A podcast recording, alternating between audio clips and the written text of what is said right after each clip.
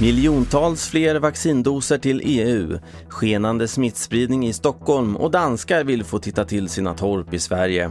Ja, det här är TV4-nyheterna som börjar med att EU idag tecknat avtal om ytterligare miljontals vaccindoser mot covid-19. Sammanlagt väntas Moderna och Pfizer-Biontech leverera drygt 800 miljoner doser till EU under året. Vi har den svenska vaccinsamordnaren Richard Bergström.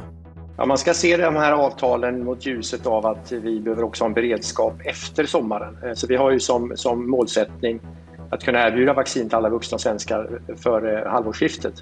Eh, men det är ju så, det blir mer och mer tydligt att till hösten och nästa år så kommer vi behöva ge vaccin igen. Dels för att immuniteten klingar av och dels för att vi får hantera de här mutationerna. Och vad gäller smittspridningen i Stockholm så ökade antalet bekräftade fall där med drygt 24 procent från vecka 5 till vecka 6. Regionen är därför mycket oroad över situationen. Det meddelades för bara en stund sedan på en presskonferens som du kan se på tv4.se.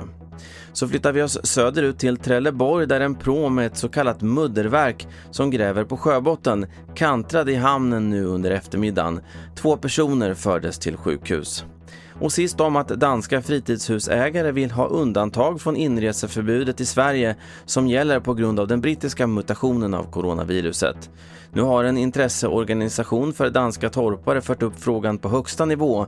Vi hör Victoria Lintner, chef för Danske torpare. Det är ett stort bekymmer för våra medlemmar. Det är cirka 10 000 familjer som har fastighet i Sverige. Våra fastigheter ligger långt öde ute i skogen. Så vi har behov för att se eh, och där är många eh, skador som har hänt. Vi har hört mycket om vattenskador och så vidare för man inte har frostsäkrat inför vintern. Det var TV4 Nyheterna. Jag heter Carl-Oskar Alsen.